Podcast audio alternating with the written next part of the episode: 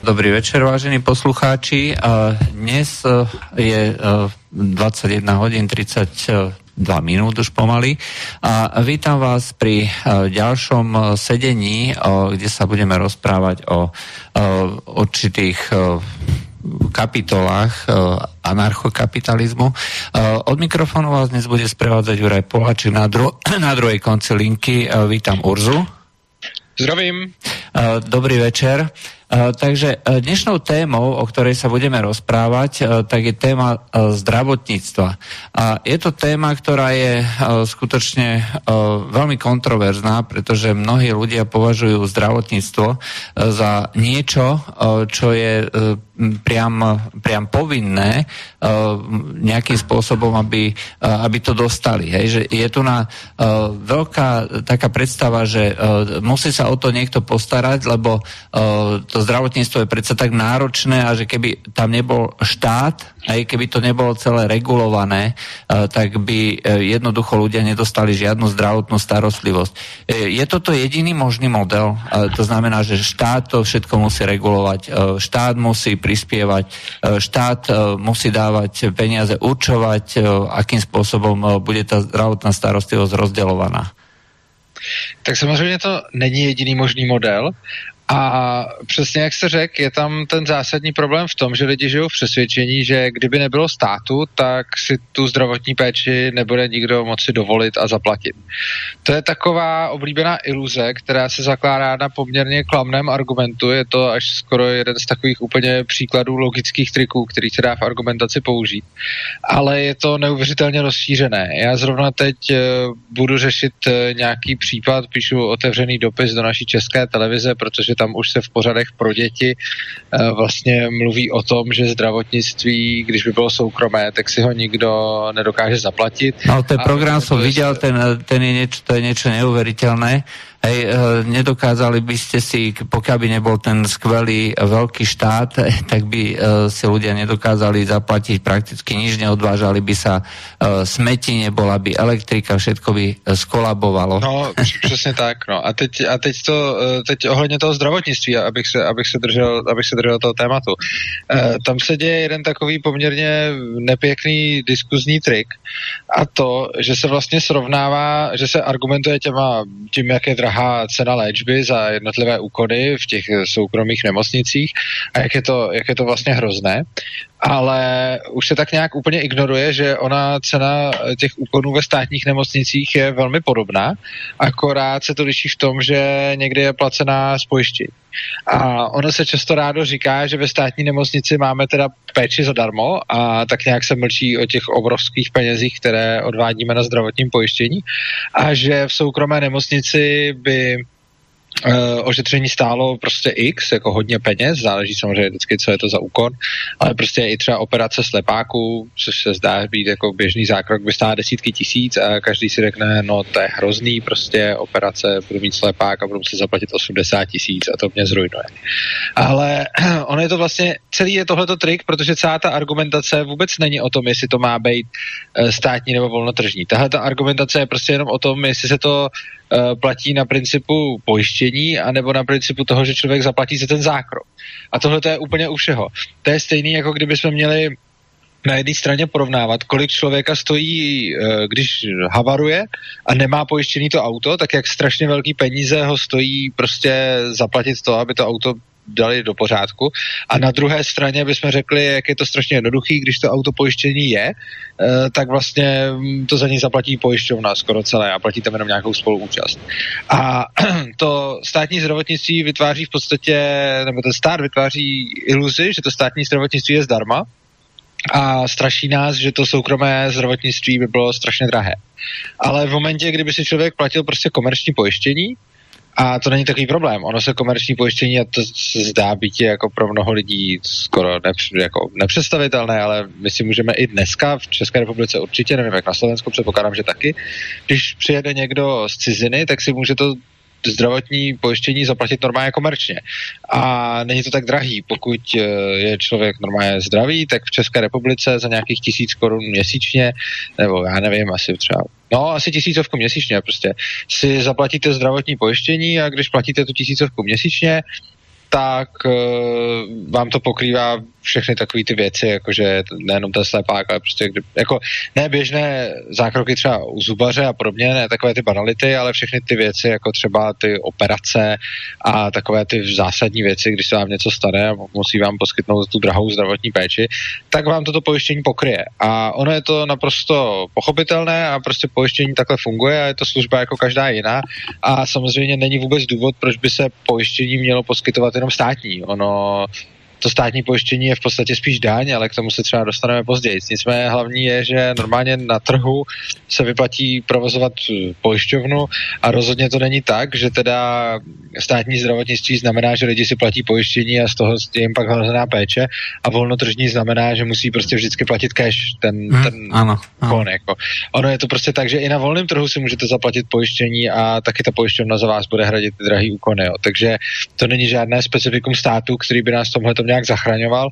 A ostatně vzhledem k tomu, že stát žádnou hodnotu jako nevytváří a není to nějak, jako nějaký, nějaká instituce, která prostě vybere na daních X, ale zdravotnictví nám pořídí za víc než to X. Ano, jako ten stát tam žádný zdroje nepřidá, ten stát ty peníze ty, ty bere svojí vlastní neefektivitou, přesně tak, on jenom přerozdělí.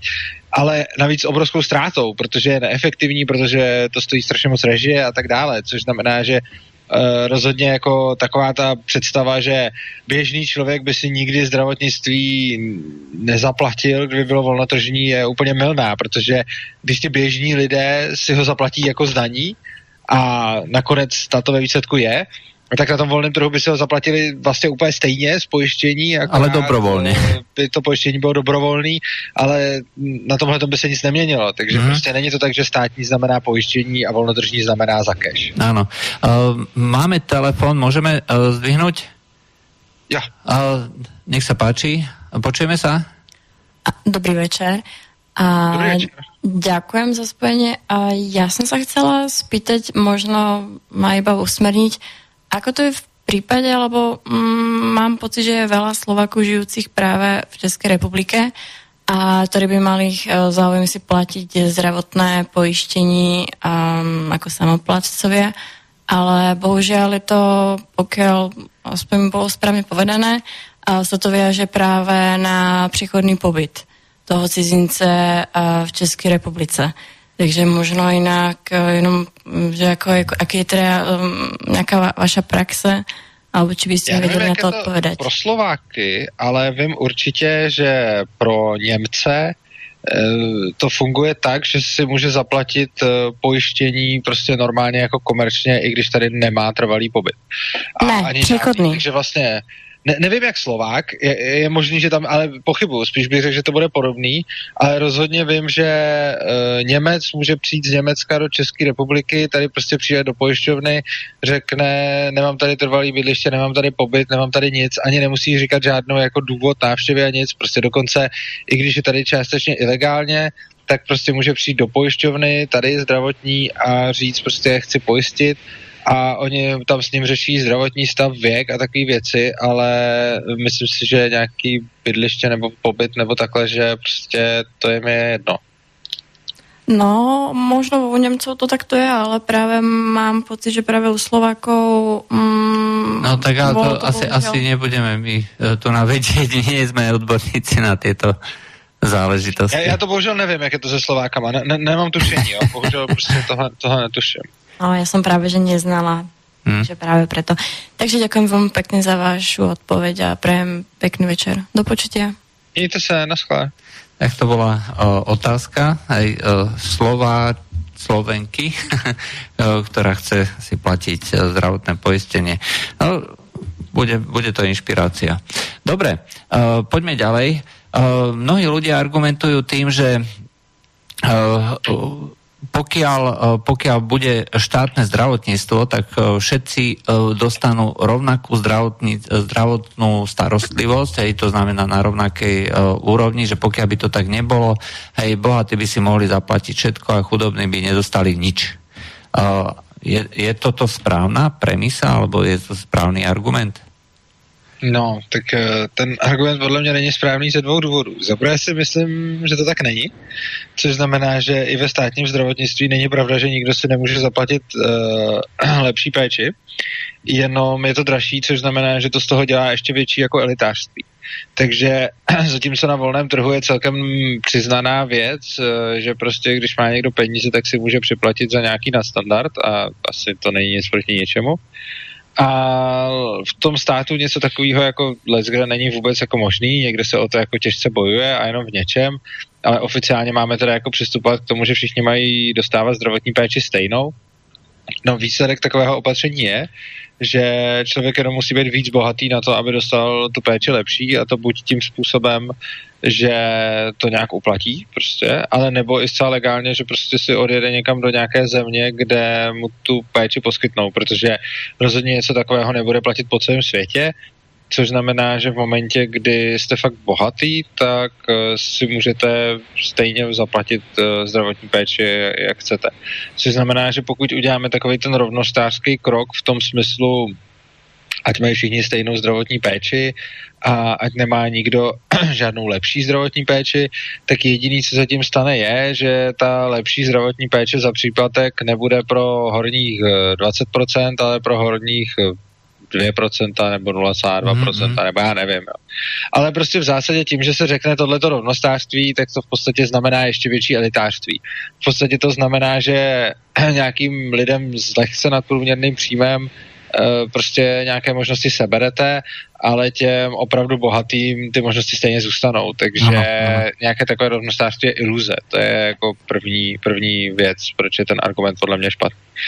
No a druhá věc, proč je ten argument špatný, je, že sice můžeme říct zdravotní péče stejná pro všechny a ono to zní strašně hezky a nějaká jako humanistická idea, ale ono to má jeden problém, to ten, že není vůbec jasno, jaká zdravotní péče pro všechny, jo? Protože prostě máme nějakou zdravotní péči, která teda musí být pro všechny stejná, ale jak ono už to tak bývá, tak prostě v momentě, kdy se začne něco takhle normalizovat, rovnat, regulovat a přerozdělovat, tak je to většinou strašně neefektivní, což znamená, že sice všichni dostanou, nebo všichni ne, kromě těch opravdu bohatých, ale jako většina lidí teda dostane stejnou zdravotní péči, ale ona to bude v průměru horší zdravotní péče, než by byla, kdyby uh, na tohleto ten požadavek prostě nebyl. A ono se to dá docela jednoduše nahlédnout.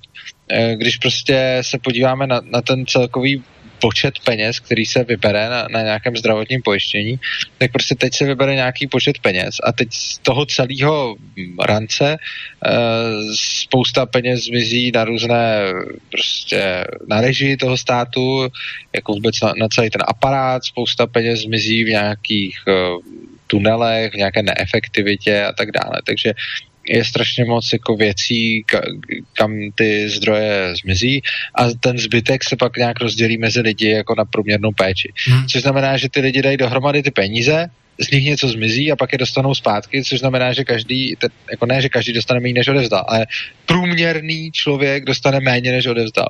Zatímco v momentě, kdy tam tohle to nebude a, a bude to vlastně řešeno tržně, tak průměrný člověk dostane víc, víc než by dostal ve státu. Hmm. Existuje niekde príklad e, takéhoto, e, povedzme, tržného rozdeľovania a príklad alebo porovnanie aj efektivity takéhoto tržného systému s tým štátnym. A myslím na, niekde na rovnakom území, regióne alebo proste e, niekde. Že aby, aby bolo, bolo možné porovnať, že toto je neefektívne a toto je efektívne.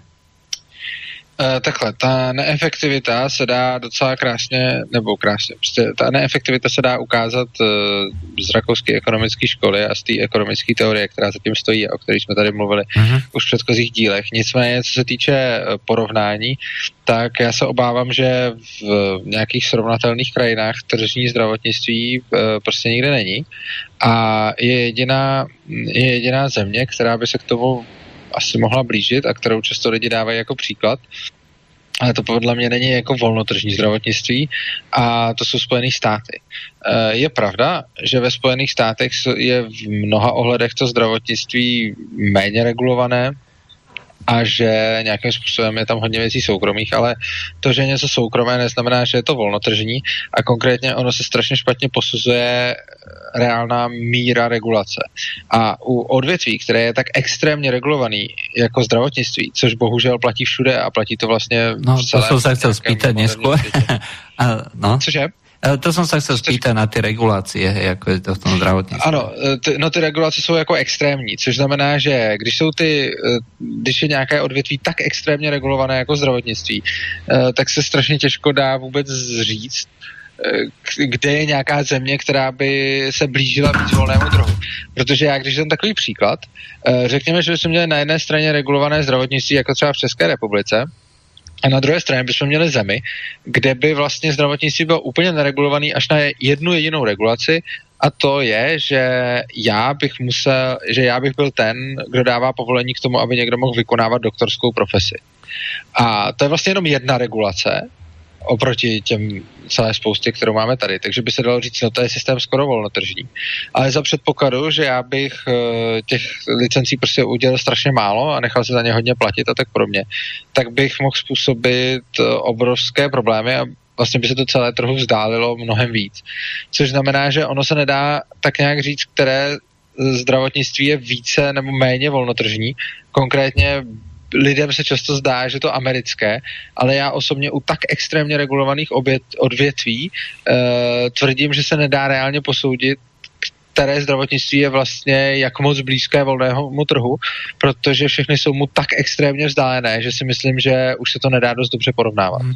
Lebo, lebo no, to, čo ľudia dneska hovoria, že aký kvalitné zdravotníctvo je niekde v Holandsku, Švedsku alebo niekde inde, to je skutočne výsledok eh, toho, že majú z čoho čerpať. Hej. To znamená, tá spoločnosť je tak bohatá, že eh, to zdravotníctvo je kvalitné napriek tomu, že sa tam dějí všetky tieto veci. Jako ono další věc je, že se strašně těžko jako porovnává co přesně znamená kvalitní zdravotnictví. Jo. Protože jedna věc je, kolik to zdravotnictví požírá prostředků, druhá věc je, jaké, jaké tam mají ty lidi výsledky. A problém je, že on má každý trošku jinak nastavené priority, co od toho zdravotnictví vlastně chce, protože eh, pro různé lidi je, jsou různě důležité parametry, je, jako třeba to, kolik zaplatí, nebo jakým způsobem je vyléčí, nebo eh, jak se tam k ním chovají v té nemocnici, případně pro někoho může být důležitější prevence, pro někoho může být důležitější jako potom léčba, když se něco stane, pro někoho může být důležitější nějaké celkové zdraví a dbání na to, mm-hmm. na jakou prostě aby lidi se drželi v dobrém zdravotním stavu a pro někoho naopak může být zase přednější, aby líp fungovala prostě záchranka, když se něco někomu stane. A vzhledem k tomu, že tyhle ty parametry jsou strašně individuální a těžko, těžko porovnatelné a každé to zdravotnictví je v něčem lepší, v něčem horší, tak potom se těžko vůbec posuzuje, co je to celková kvalita zdravotnictví, mm-hmm. protože prostě ty, ty preference jsou subjektivní. A myslím si, že přesně tohle je jeden, jeden z těch kamenů úrazu státního zdravotnictví, že ono není vlastně vůbec jasné, co, jaký parametr v tom systému máme optimalizovat, protože nevíme, co ti lidé vlastně nejvíce chtějí. Takže ono vůbec porovnat, co je kvalitní zdravotnictví, je podle mě hodně těžký. Mm-hmm. Ešte je tu na, jedna otázka, keď hovoríme o tom, že ste tam spomínali, že stačilo by Eh, keby sa tie dane prerozdeľovali tak, že eh, ľudia by si sami mohli rozhodnúť, že čo si zaplatia. A eh, takým spôsobom by všetci mali v podstate to isté, ale sú predsa príjmové skupiny, tie najnižšie príjmové skupiny, ktorým, ktorí pomaly majú ako problém vyžiť od výplaty k výplate. Vôbec a oni majú daňové úlavy, daňové úlavy, ktoré Eh, vlastne spôsobujú, že neplatia skoro žiadne dane. Hej, keď, eh, vedeli by si vôbec zaplatiť nejaké zdravotné poistenie?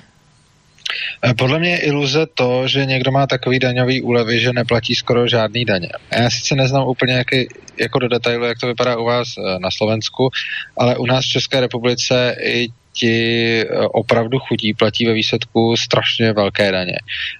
Konkrétně je to dáno tím, že oni mají sice na nějakou daň třeba skutečně úlevu, ale problém je v tom, že těch daní je strašně moc a je nějaká složená daňová sazba. Ono už prostě samotný DPH je 21%, nevím jak u vás v Čechách je 21%.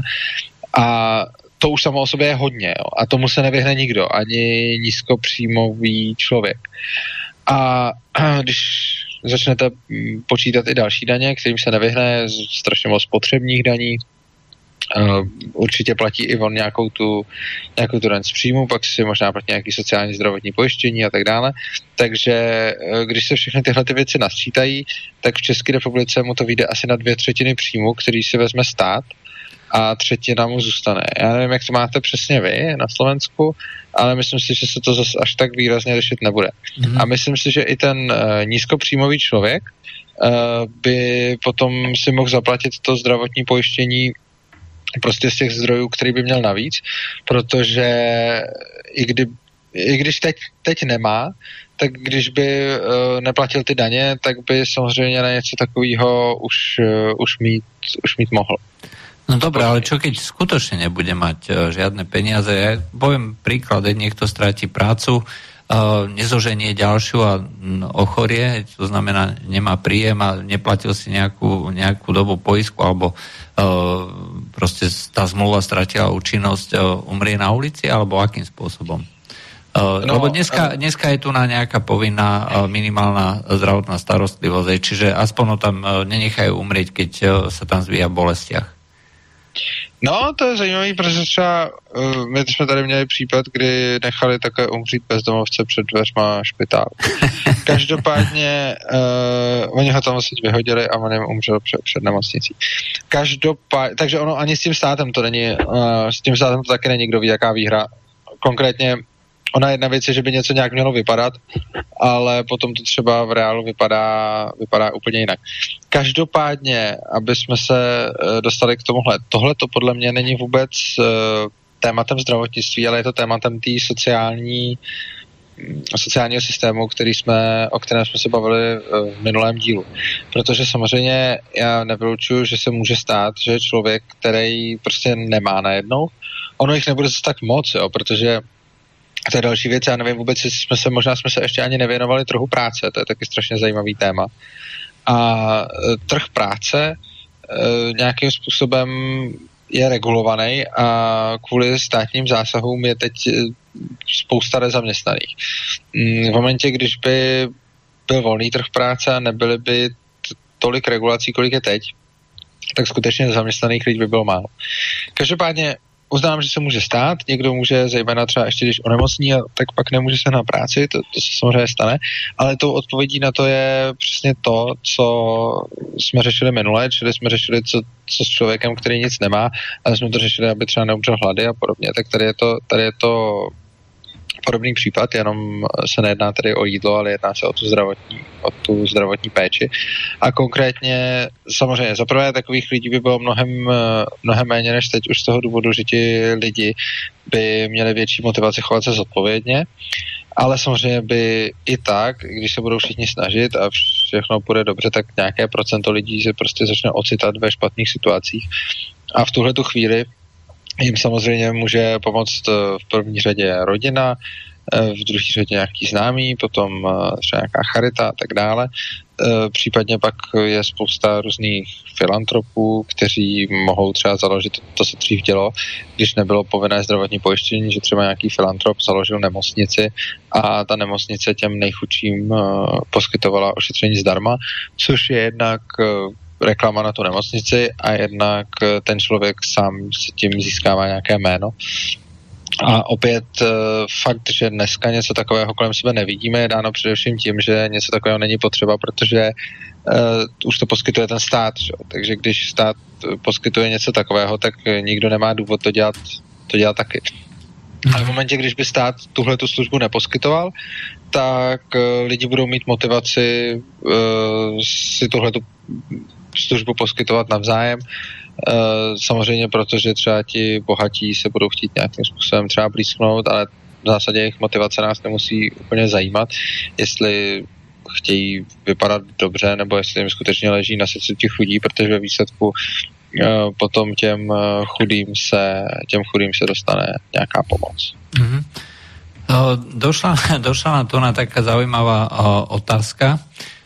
Ani nie otázka, ale že, že Pražáci, že sú leniví, leniví makať, aj pretože v Prahe je nezamestnanosť 0%, a že kto chce pracovať, že si nájde prácu treba ako barista, alebo dokonca ako, že predávači v Lidli teraz majú že 28 tisíc českých korún. Hej, že čo je plat vyšší než uh, plat uh, učiteľa s nejakou, ja neviem, 10-ročnou praxou? Tak jasně, samozřejmě jako té práce je, je, tý práce je hodně, zejména teď, ale na volném trhu by bylo ještě víc, protože bez těch regulací na trhu práce se daleko s nás schání práce. Ale i když teda posluchač má asi pravdu v tom, že prostě jako ano, práci obecně můžeme najít, tak nemůžeme opomenout to, že se může stát, že někdo z nějakého důvodu práce nenajde, zejména když to ještě kombinujeme s tím, že ten člověk je nemocný, což znamená, že pokud eh, ten člověk skutečně má problém zdravotní například, ano, tak může v důsledku toho ztratit tu práci a potom těžko schánět další, ale zároveň potřebuje uh, to lékařské ošetření, čili něco takového se stát může. Jiná věc pak samozřejmě je, že dneska vlastně nikdo na takovéhle věci nemusí moc myslet, protože za ně řeší stát.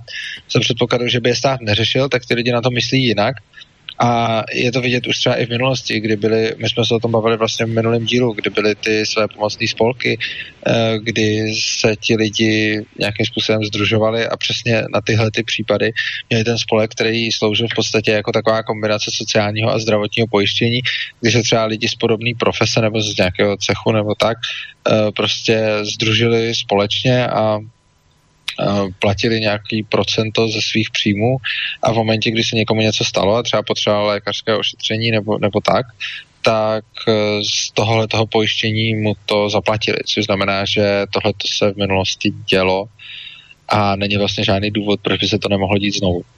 Takto, my sme tu nahovorili o tých reguláciách, neustále na to narážame. Sú vôbec nutné regulácie, sú nutné povedzme licencie, kontroly, že či niekto lieči správnym spôsobom, aj pretože toto je vec, ktorá práve u týchto profesí, že kde sa narába s tým ľudským životom, pre mnohých prípada ako absolútne samozrejmá a nutná, hej, že keby tu nebol dozor, keby tu nebol dohľad, keby tu nebola uh, kontrola nad tým, že to vzdelanie je také, aké je, že ten človek to, to skutočne vie, takže ľudia by umierali ako muchy pod ja neviem, tým falošným doktorom alebo hocikým, že kto by si to zmyslel, že to bude robiť.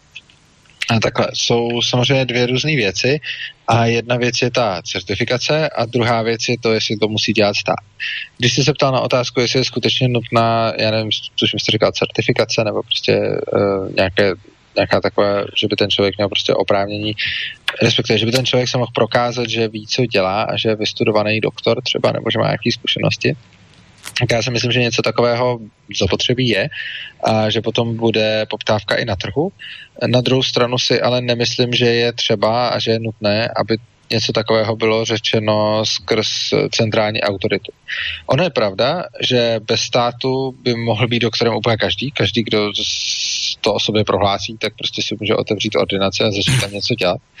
Každopádně on pak nebude mít nějakou certifikaci k tomu tam něco dělat a ta certifikace bude ty lidi zajímat zejména, protože budou vědět, eh, že toho doktora může dělat každý, což znamená, že v momentě, mm, že prostě, když není vystudovaný, no tak to vadí. A samozřejmě potom ty školy, které vědí, že jsou v oboru, kde se na tu certifikaci hodně dbá, tak samozřejmě můžou mít klidně i online prostě svůj web, na který budou dohledat jejich absolventy, absolventi, což znamená, že přijdete k doktorovi, eh, tam uvidíte prostě jeho nějaký diplom třeba na, a to, tak si najdete z které školy, rovnou si půjdete na web té školy, tam se ho vyhledáte, budete tam ho mít i s fotkou a podobně, což znamená, že zjistíte, uh, že ten člověk je skutečně oprávněn vykonávat tu profe- uh, oprávněn. Oprávněn v kapitalismu každý, ale na vás je, k komu vlastně půjdete, takže vy tím zjistíte, že ten člověk udělal tu školu.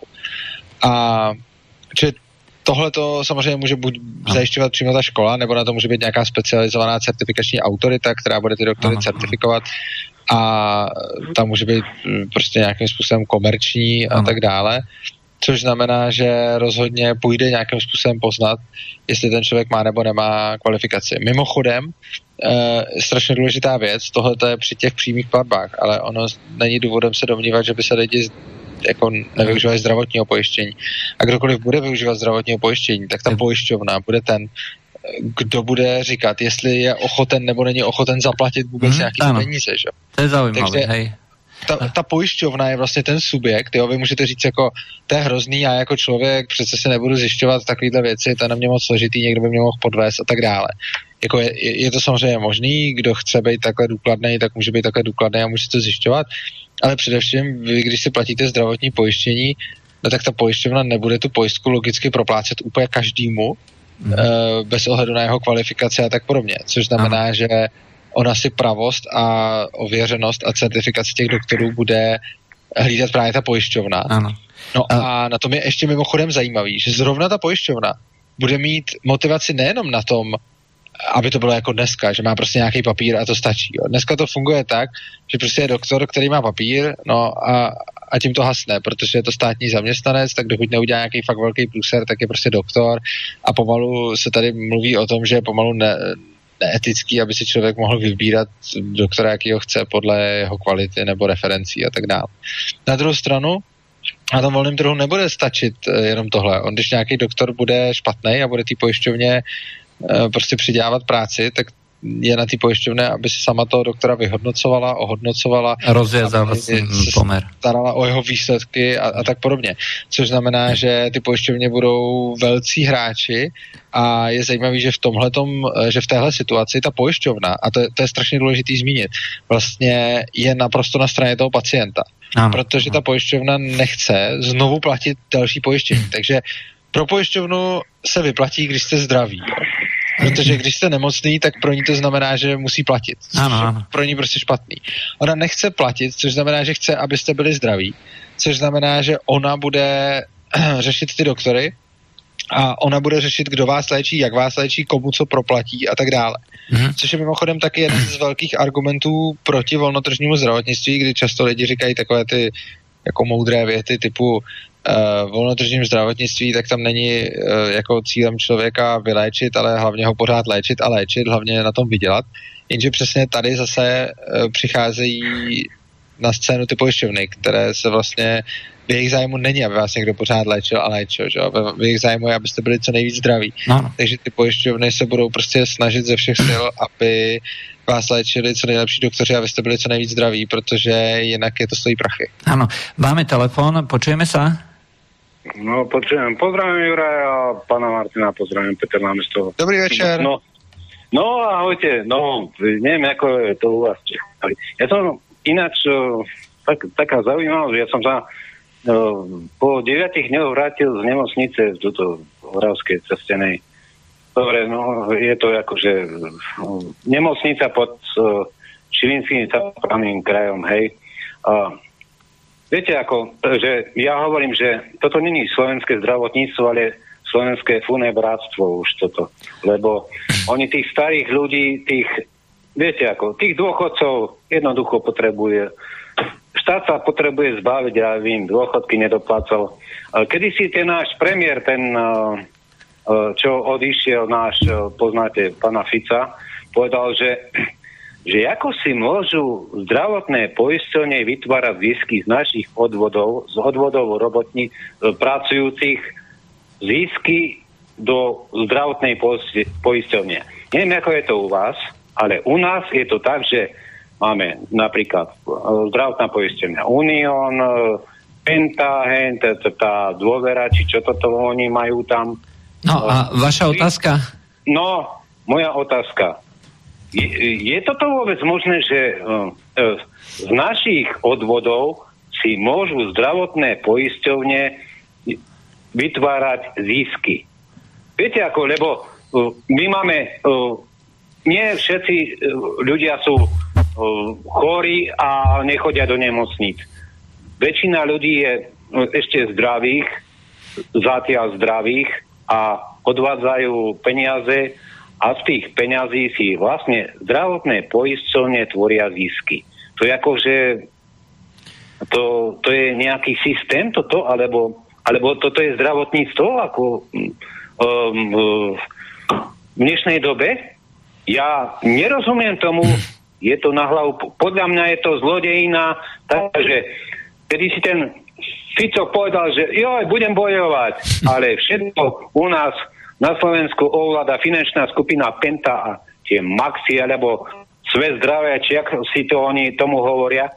Je to aj u vás. To, to, to je jasné, že o, poznáte tie Maxi, o, ne, tie lekárne, Maxi a Maxi a, a Dobre, takže že, vaša otázka je, že je či je to, normálne, že, že... Že, že či je to normálne, aby si z našich odvodov do zdravotnej poisťovne vytvárali tie zdravotné poisťovne zisky. Hmm. Je toto normálne? Dobre, uh, tak to je moja otázka.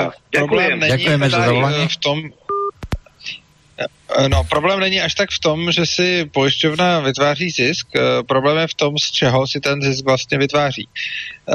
Jde o to, že ty odvody momentálně jsou povinný, že lidi musí platit a tu výši toho pojištění, no já říkám pojištění, ale ona je to v podstatě daň, určuje stát. Kdyby to bylo tak, že každý si, platí, každý si vybere pojišťovnu takovou, jakou chce a platí tolik peněz, kolik si s ní smluvně dohodne, no tak by bylo v pohodě, kdyby si pojišťovna vytvářela zisky, protože ona, když bude vytvářet moc velký zisky a v důsledku toho bude nabízet špatné služby, tak člověk prostě půjde k jiné pojišťovně. Je to normální konkurenční boj, jaký, jaký funguje všude a na takovém zisku není vlastně nic eh, špatného, je-li realizován na volném trhu a je-li realizován tím způsobem, že prostě člověk se někde pojistí a ta pojišťovna uh, uzavře obou strany dobrovolnou smlouvu a nějakým způsobem plní to, co je v té smlouvě napsáno, no tak v takovém případě, pokud to zvládne dělat tak, že z toho má ještě zisk, tak OK, ten zisk bude moc velký, tak pravděpodobně přijde konkurenční firma, která to začne dělat uh, též levnějc a přetahovat zákazníky, čímž vlastně donutí ty původní k tomu, aby taky zlevnila a ty zisky snížila. Tohle to funguje běžně celkem všude. Ale samozřejmě současný systém uh, trpí tím problémem, že tam ty zisky pramení z té daně, kterou platíme na to zdravotnictví a to je trošku problematický, protože ono vůbec ten způsob, co se platí, ono se tomu říká zdravotní pojištění, ale tak eh, jaký vlastnosti má pojištění? Tak pojištění především je dobrovolný, což eh, tady není. A za druhý, jakým způsobem se normálně vypočítává cena pojištění? No to se vypočítává tak, když je to pojištění jako produkt, že spočítáte Uh, nějaký, nějaký to riziko, uh, spočítáte výše plnění, to, to mezi sebou vynásobíte a, a získáte, kolik vám ten člověk musí zaplatit, aby, aby to bylo profitabilní. No a ten problém je v tom, že nic takového se tady neděje, což znamená, že my neplatíme pojištění v závislosti na tom, eh, jakým žijeme životním stylem. My neplatíme pojištění v závislosti na vůbec nějaké rizikovosti, ale platíme úplně absurdně pojištění v závislosti na našich příjmech, což eh, s tím taky nemá moc co dělat. Což znamená, že reálný zdravotní pojištění by pravděpodobně vypadalo tak, že se mě nikdo nebude ptát na to, kolik vydělávám, jak jsem bohatý a kolik mám majetku, ale bude se mě ptát na to, kolik mi je let, jaký jsem prodělal nemoci a tak dále a tak dále. A na základě toho e, mi vykalkuluje na základě nějakých rizik a toho, jaké budu chtít protiplnění, tak na základě toho mi vykalkuluje, kolik bych eh, měl třeba měsíčně nebo ročně na tom pojištění zaplatit.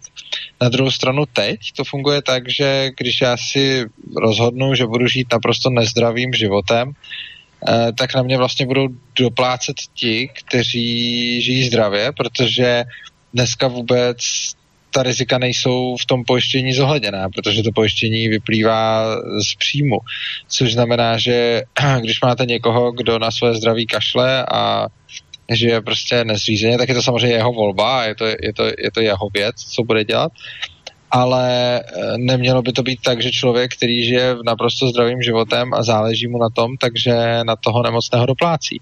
A tady to přesně tak funguje. Prostě ti, co žijí jako zdravě a podobně, tak jsou za to v tomhle systému trestáni mm-hmm. a naopak ti, co žijí jako špatně, tak eh, na ty všichni ostatní doplácejí. Že?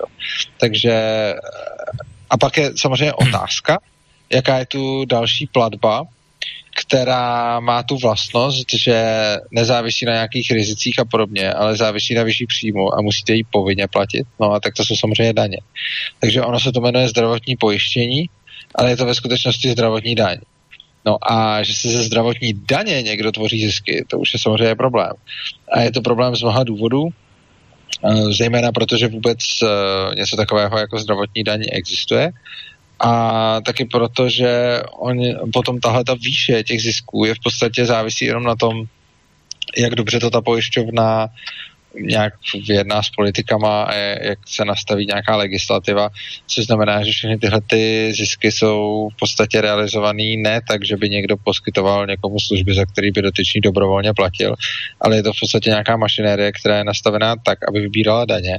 A tyhle ty daně hold teda končí z části u státu a z části v nějaké soukromé pojišťovně, eh, což teda ani nemůžu říct, že kdyby skončila u toho státu, že by to bylo nějak o tolik lepší. Prostě ten hlavní problém není zisk pojišťovny, ten hlavní problém je násilné donucení k té platbě. Áno. Uh, ešte ja sa vrátim k tým jednému veľkému problému, ako čo sa týka zdravotníctva. A to je jedna vec je, sú výkony, ja neviem, tie technické zariadenia, ale ďalšia vec, a to je uh, asi najväčšia položka, to je vlastne lieky, hej.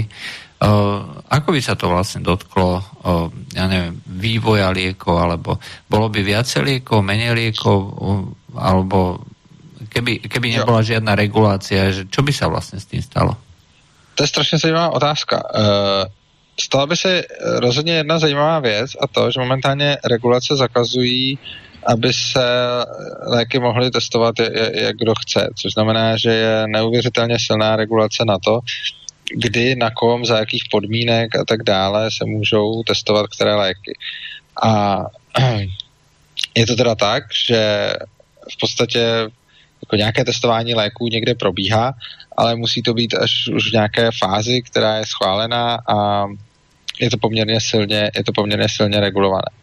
A my sice můžeme na jednu stranu říct, že to je vlastně dobře, protože kdo by chtěl dělat pokusy na lidech a že je dobrý, že zakazujeme dělat pokusy na lidech a tak podobně. No, já osobně si myslím, že Jedna věc jsou pokusy na lidech, kteří s tím nesouhlasí a to je samozřejmě odsouzení hodné, odsouzení hodné a špatné.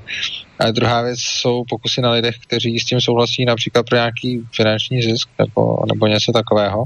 A jiná věc je, že my sice můžeme říct, že jsou teda hrozné farmaceutické firmy, eh, které by chtěly testovat léky na lidech, protože chtějí vydělat a je pravda, že oni chtějí vydělat.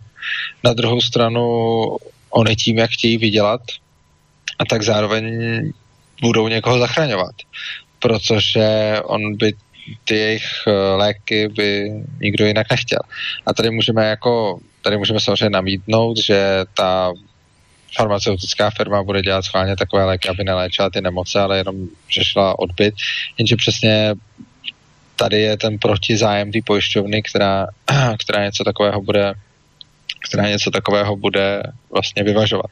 Ja, e, môžem Nicméně... prerušiť ešte e, na chvíľočku. Uh, tu je pri testovaní na ľuďoch, uh, aj tu je vlastne regulácia, že je zákaz uh, uh, ja neviem, disponovať vlastným telom, ale uh, keby to bola úplne voľná ekonomika alebo úplne slobodná, uh, tak uh, aj moje telo by vlastne bolo mojim majetkom, aj, takže ja by som si mohol rozhodnúť, čo s tým. Samozřejmě, to je jedním ze základních principů anarchokapitalismu je právě sebevlastnictví. A sebevlastnictví přesně říká to, že člověk vlastní svoje tělo a může s ním svobodně nakládat a to mimo jiné znamená, že pokud teda budu chtít a budu chtít, já nevím, na sobě nechat uh, nějak nebezpečně testovat nějaký lék s tím, že za to dostanu peníze, tak bych měl mít tohleto právo. A v momentě, kdy mi stát řekne, že to dělat nesmím, a je pravda, že on to neříká takhle uh, úplně plošně. Ten stát samozřejmě to v některých ohledech povoluje. Ono prostě, když ten lék už je v nějaké fázi, eh, kdy teda stát rozhodl, že už je to dostatečně bezpečné, tak uh, se ten te- lék pak může i testovat na lidech. Nicméně ten vývoj by samozřejmě samozřejmě výrazně urychlilo, kdyby tam tyhle ty regulace nebyly a ty léky se na lidech mohly testovat i dřív. A my můžeme říct, jak je strašně jako šlechetné a čestné, že se to dělat nemůže a že ty lidi vlastně chráníme a podobně. Ale tak my tím se možná před něčím chráníme, ale zároveň jim odpíráme právo k jejich vlastnímu tělu, Což znamená, že když já se rozhodnu, že pro mě je, a teď už úplně z jakýhokoliv důvodu, eh, lepší dostat eh, prostě 100 tisíc korun a riskovat, já nevím, s nějakou percentuální šanci nějaké zásadní zdravotní poškození nebo dokonce smrt, tak když mi někdo řekne, že to nesmím udělat, no tak tím vlastně mě odpírá eh, moje právo k mému vlastnímu tělu. A ono lze tady namítnout a je to takový jako hodně emocionální argument, že řekneme, no jo, ale co lidi, kteří jsou v tak hrozném stavu, že jsou na tom prostě tak špatně, že na sobě nechají testovat léky, protože už nemají jinou možnost. No a ono něco takového je samozřejmě hrozné a kdybychom se na to dívali pouze skrze emoce, tak bychom to mohli takhle šmahem odmítnout, ale ono je třeba se nad tím jako logicky zamyslet ten eh, primární člověk člověka, ten primární problém člověka, který je na tom tak zle, že by na sebe nechal testovat léky eh, výměnou za nějaké peníze, eh, je ten, že nemá ty peníze a je ten, že je v nějakém srabu. Když mu zamezíme v tom testovat na sobě ty léky, no tak mu reálně nepomůžeme, protože on sám bude pořád v tom hrozném stavu. Jo? Prostě těžko si představit, jak na to musí být člověk. A jako samozřejmě nějaký případy si představit můžeme, můžeme si představit nějaký případy lidí, kteří jsou lehkovážní a podobně, a pak si můžeme představit případy lidí, kteří jsou jako v fakt hrozné životní situaci a jsou v tak strašné životní situaci, že by riskovali i něco fakt nebezpečného, aby se to dostali zaplaceno. No ale my, když jim tuhle tu možnost sebereme, tak my jsme jim ale ten život nezlepšili, my jsme jim nevyřešili ten primární problém, který, který oni mají v životě. My jsme jim pouze sebrali jednu možnost k jeho řešení. A já neříkám, že ty lidi se mají dobře, já ani nezlehčuju jejich utrpení, já ani neříkám, že jako, já samozřejmě naprosto chápu té situace, když je na tom někdo tak, že pro peníze bude riskovat třeba svoje zdraví nebo život. Ale rozhodně řešením takové situace není, že mu tu možnost odepřeme, protože on potom bude ve stejných problémech. Mm. A ten fakt, že on sám by to chtěl riskovat, jako svědčí o tom, že pro toho člověka je lepší ta situace, kdy to zariskuje s tím, že třeba pak dostane ty peníze a jeho život se vyřeší i s tím rizikem, že třeba si ještě pohorší nebo dokonce umře. A tím, že on sám by tohle to přijal, vlastně dává najevo že to chce. Je to sloboda volby. Že je to pro něj ta lepší možnost. A my, když mu jenom vezmeme tu lepší možnost, no tak ho jenom dotlačíme k tomu, aby udělal to, co on sám považuje za horší než tohle. No. A je na tom zajímavý, že tohle je jako jedna stránka, což je samozřejmě strašně složitý pro pochopení, respektive takhle, ono je to dost jednoduchý na pochopení, protože to logicky dává naprostý smysl, ale e, zároveň to ve většině lidí vyvolává takové emoce, které jim v podstatě zabrání v pochopení ty volby, kterou ten člověk před sebou má a v tom, že tím, že mu nijak nepomůžeme a jenom mu sebereme jednu z možností řešení, vlastně jenom mu z jeho pohledu pohoršíme. Ale to, to je jedna věc. A druhá věc samozřejmě je, že tím, že bráníme v tomhle testování těch léků, tak eh, je spousta lidí, kteří umřou třeba na nemoc, na kterou by nemuseli umřít, eh, kdybychom jim eh, něco takového povolili, kdybychom, kdyby ty léky se testovaly, protože samozřejmě on by ten pokrok šel daleko rychleji ku předu. Za předpokladu, že by bylo možné, aby na dobrovolnících, znovu říkám na dobrovolnících, samozřejmě jsem naprosto proti tomu a nerad bych, aby někdo došel toho závěru, že jsem zastánce nějakých jako ďábelských pokusů, že se nějak utilitaristicky zjistí, že je lepší testovat léky na lidech, tak eh, prostě bez ohledu na jejich svolení budeme testovat. Ne, já jenom říkám, že když máme lidi, kteří by byli k něčemu takovému svolní a oni nějací takový budou, a na druhé straně máme lidi, kterým to může zachránit život, no tak je to v podstatě na všechny strany win-win situace. A tím, že ten stát přijde a, tuhle, a tohle to zreguluje a zakáže to, no tak všem vezme nějakou možnost. A ještě mimochodem, ten člověk, na kterém se ty léky testují, eh, nemusí být pouze ve stavu, a dobře, to chápu, že třeba mnozí jako z emocionálních důvodů odmítli, nemusí být pouze ve stavu, že si to takhle sám rozhod. To může být člověk, který je například nemocný nějakou smrtelnou nemocí.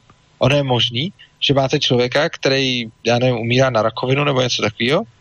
A tak já nevím, já kdybych umíral na rakovinu, tak bych chtěl aby za mnou přišla farmaceutická v úzovkách zlá firma, která, který jsem stejně ukradený a chce na tom jenom vydělat, ale dá mi lék a já budu mít šanci být třeba jedno procento, že přežiju, než abych neměl vůbec žádnou šanci.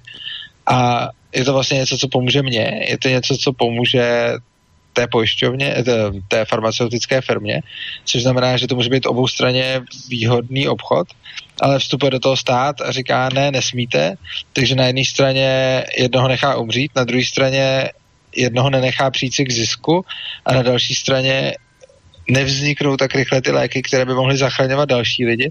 A to všechno jenom proto, že někde nějací, já nevím, strašně humánní lidi řekli, že by bylo neetický, aby někdo na takovéhle situaci vydělal. Jenže tím vlastně, já nevím, já rozhodně, když bych byl v situaci, že bych už teda umíral a moje jediná možnost by byla farmaceutická firma, která potřebuje otestovat svůj lék, o kterém vůbec nic neví a já bych třeba umřel ještě rychleji nebo něco takového, no tak já bych eh, byl pravděpodobně rád, že bych to zkusil. A kdyby přišel stát a zakázal mi to, což on reálně dělá, tak by mě tím reálně mohl zabít a já bych mu za to rozhodně nepoděkoval. Přičemž ještě poslední věc, kterou bych k tomuhle tomu chtěl uvést, je, že uh, samozřejmě mnozí můžou namítnout, že ty léky už se teď testují, že něco takového už se teď děje. A že když jsou na smrt nemocní lidé, tak skutečně se na nich do jisté míry něco občas testovat dá. Něco takového, ta experimentální léčba je povolená. Což je sice pravda, ale to, to vůbec nepopírám, ale problém je, že stejně jsou tam obrovské regulace, což znamená, že ono se dá testovat řekněme, už v nějaké fázi toho léku, ale nedá se testovat nějaké dřívější, kdy to musí projít prostě nějakýma dalšíma kolama testů.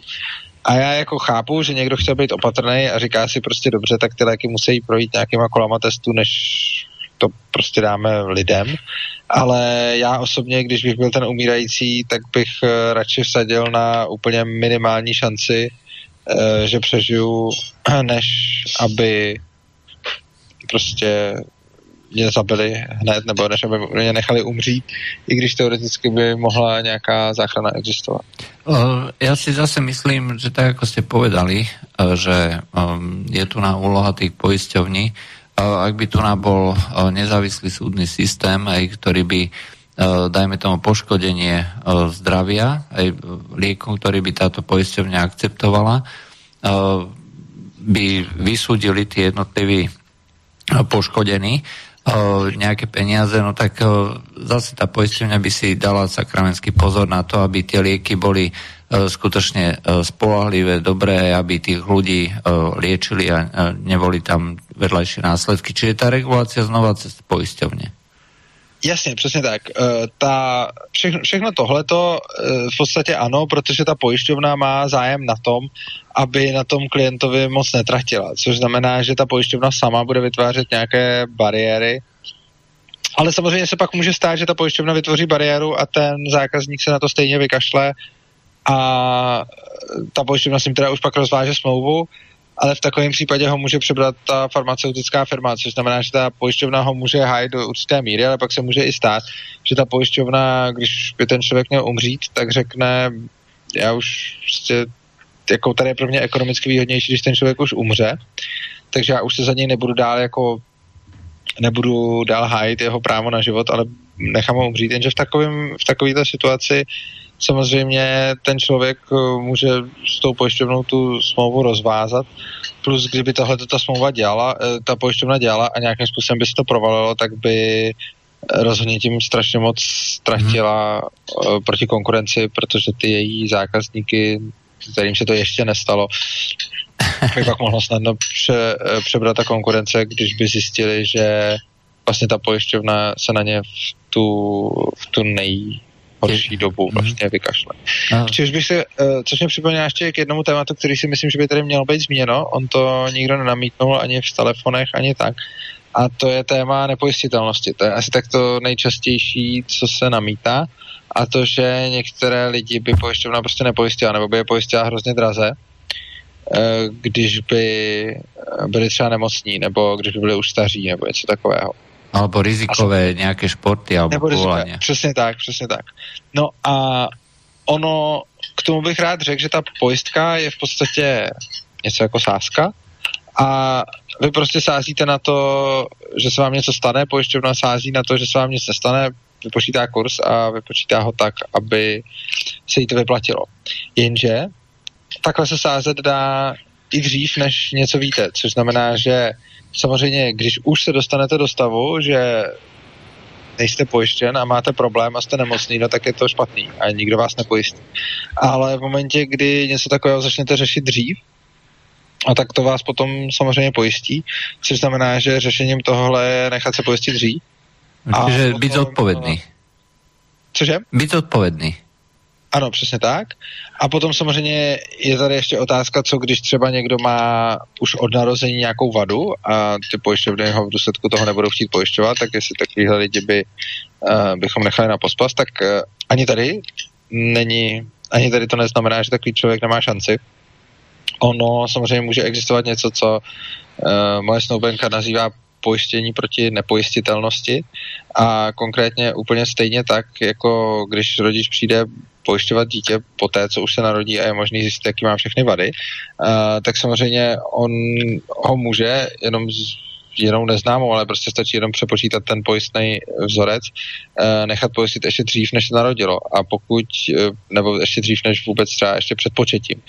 A ono, všechny ty šance, to, je vlastně ten trik, že ta pojišťovna funguje prostě jako sásková kancelář a ono jí prostě stačí mít data a když má data, tak si potom může spočítat cokoliv a pojistit vás tak, aby se jí to vyplatilo. Hmm, Takže jasný. vy potom můžete klidně být třeba jako dostat smlouvu ve stylu, pokud se ukáže, že třeba rodiče mají velký zájem o to, aby, aby jejich děti byly pojišťované, tak uh, můžou dostávat smlouvy typu uzavřete u nás smlouvu na celý život a zároveň vám za tyhle těch podmínek a zároveň vám garantujeme, že kdykoliv se vám narodí dítě, tak vám nabídneme pojistnou smlouvu za nějakých podmínek zase, jo, bez ohledu na to, co se mu stane.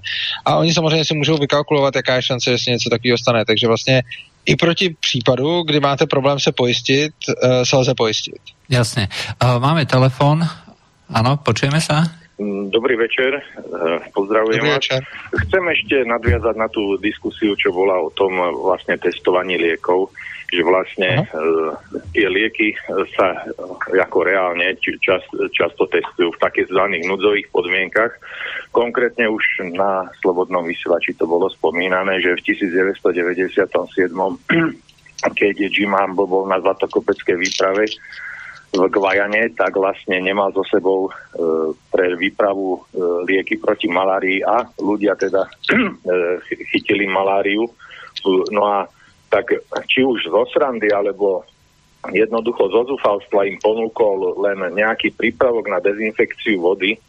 No a boli tí štyria to ochotní, že teda dobre, však dokedy by došli tie antimalarika za týždeň, alebo čo doby, dovie, čo by s nimi bolo, tak to boli e, ochotní teda vyskúšať. No a čo bolo zaujímavé, že vlastne na druhý deň boli v poriadku, no a potom vlastne z toho vzniklo e, to mms e, neskôr cds kde vlastne tá účinná látka je oxid chloričitý, čiže vlastne takýmto spôsobom vzniklo niečo významné, čo vlastne terajšia oficiálna medicína v podstate utajuje, pretože e, ten oxid chloričitý to je jednoducho ľahko pripraviteľná látka, ten vodný roztok, ktoré, čo sa vlastne nedá patentovať, takže na tom farmaceutické firmy e, nedokážu zarobiť. E, no a, no a vaša otázka? No a čo sa týka ešte tých ďalších vecí, e, liekov, ako som sa dočítal, že sa testujú aj nelegálne, tým spôsobom, že obyvateľstvo o tom nevie, ale len tak jednoducho im pridávajú nejakú, nejakú látku v určitej oblasti, treba do vody, ako pridávali e, flór v určitých oblastiach v Amerike, alebo ich praškujú niečím a tak ďalej.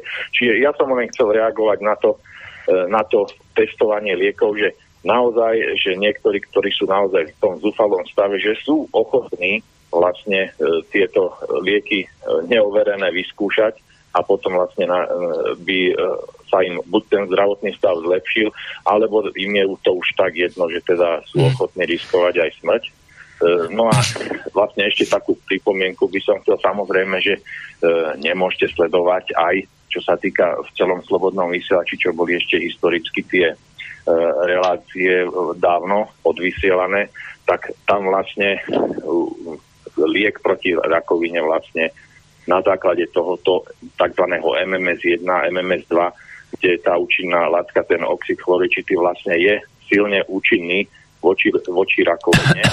No a e, vlastne e, liek proti rakovine je vlastne už dávno vymyslený, len samozrejme, že je to, je to silne utajované.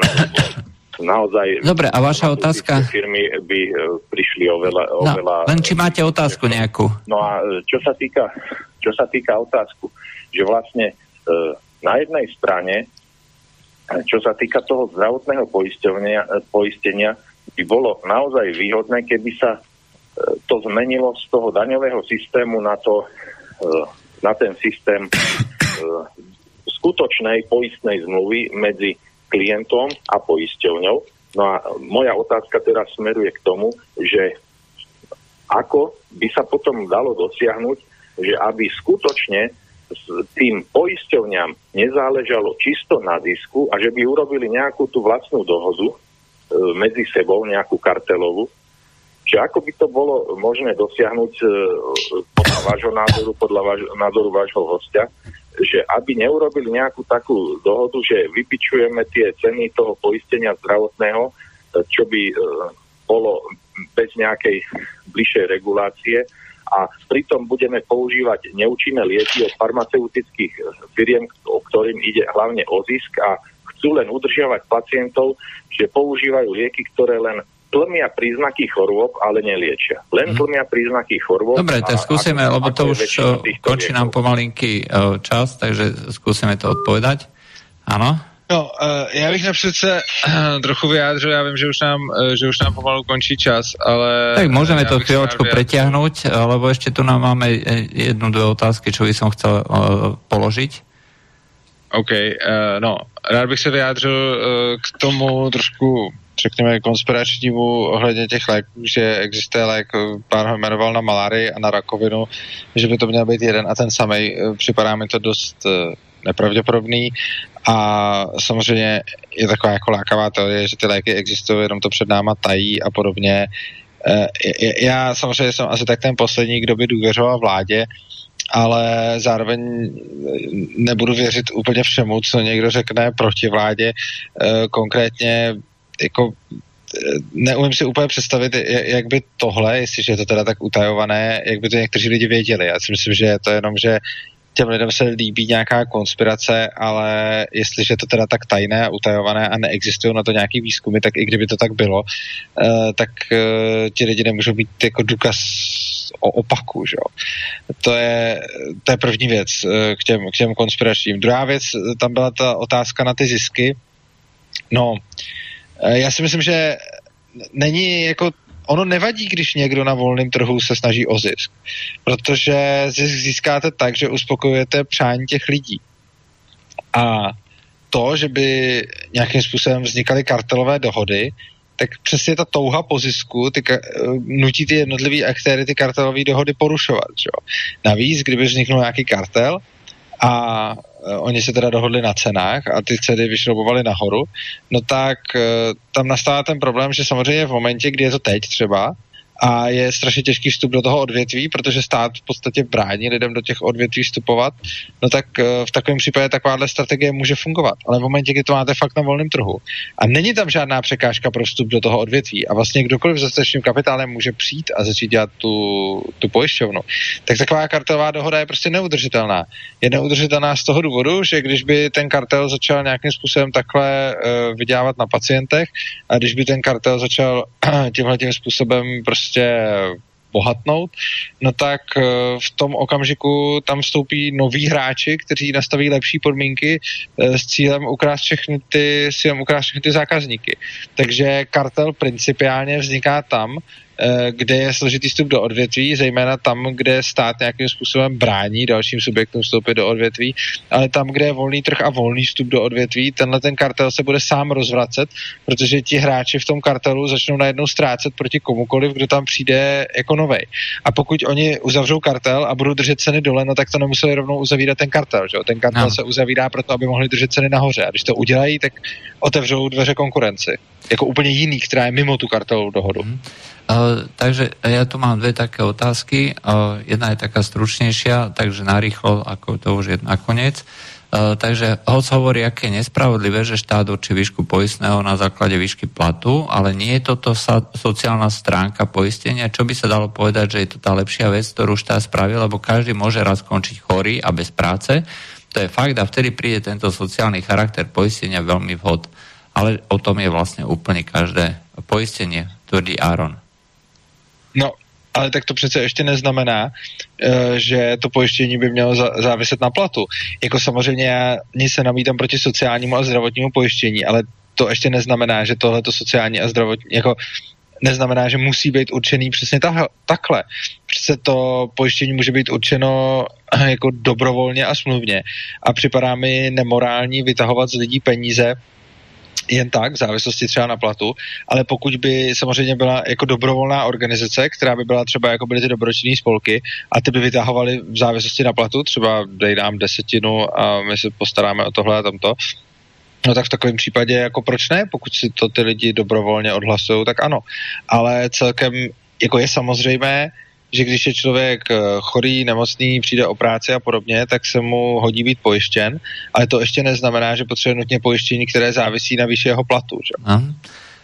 Dobre, a, a posledná otázka, ja som to nechával nakoniec, na nešťastie, lebo to bolo také dlhšie. Takže minulú časť seriálu sme venovali sociálnemu systému a uh, práve poslucháč Anton, jeho to zaujalo, uh, že čím je starší, tak zaujíma, uh, teraz zastáva názor, že libertariáni a konzervatívci, hlavne kresťanskí, by mali byť prirodzenými spojencami a že zatiaľ si nevedia nájsť uh, k sebe uh, nejakú cestu a že konzervatívci nariekajú nad úpadkom rodiny, volajú po podpore rodiny zo strany štátu a pritom si neuvedomujú, že skaza sa prehlbuje s každou štátnou pomocou zahrnutej do rodinnej politiky a rodine ako inštitúcii by najviac prospelo, keby jej štát vrátil funkcie, ktoré z nej za posledných 100 e, rokov e, sňal. Mám na mysli vzdelávanie, výchova detí, starostlivosť o starých, opatrovanie chorých nevládnych, pomoc pri dočasnej strate príjmu a nemyslí pri rodine len otca, matku, deti a má na uh, mysli viacgeneračné rodiny alebo širšie rodiny, prípadne dokonca uh, celé komunity. A chce sa uh, vás ako o, o, ako Urzu spýtať, či do akej miery sa s postojom toho poslucháča stotožňujete a ako máte skúsenosť komunikácie s ľuďmi zastávajúcimi konzervatívne pozície. Ďakujem. Anton. Jo, tohle je hrozně zajímavá otázka, nepatří moc do zdravotnictví a je hrozná škoda, že zazněla takhle na konci, eh, respektive, že není moc času. Eh, no, No, môžeme, ja, ja, možno by sme to mohli prebrať na budúce, uh, túto otázku. Dobře. Lebo uh, toto je, uh, toto je uh, my sme sa už bavili o sociálnej politike, ale uh, práve túto otázku by sme si mohli uh, dať ako na úvod a rozobrať to. A ja by som navrhol, aby sme sa, um, ako si povedali, ten trh práce, aby sme začali preberať, lebo... OK, to je rozumný. Jinak ta otázka, ona nesměřuje až tolik uh, na, na, vlastně na ten sociální systém, to jsme probírali už jako minule, ale spíš na ten vztah mezi konzervativci a libertariány a já bych to docela rád rozvedl ještě ohledně vztahu mezi jako takovými těmi levicovými liberály a libertariány a konzervativci a tak dále. To je, to je podle mě strašně zajímavá otázka. Mm-hmm. Takže ji můžeme nechat na příště uh, na začiatek trhu práce? E, na začiatok trhu práce a uh, uvidíme, ako sa nám to uh, pekne rozvinie. Dobre, ďakujem za príjemný večer s Urzom a od mikrofonu sa s vami lúči Juraj Poláček. Dobre. Já vám děkuju, mějte se, dobrý večer a vám, vás jenom poprosím, jestli byste si tu otázku, jestli byste mi ji příště zase nepřečet a nepřipomněl mi ji, protože... Já vám ji pošlem do mailu tiež. Dobre, jo. ďakujem zatiaľ. Do počutia. Táto relácia vznikla za podpory dobrovoľných príspevkov našich poslucháčov.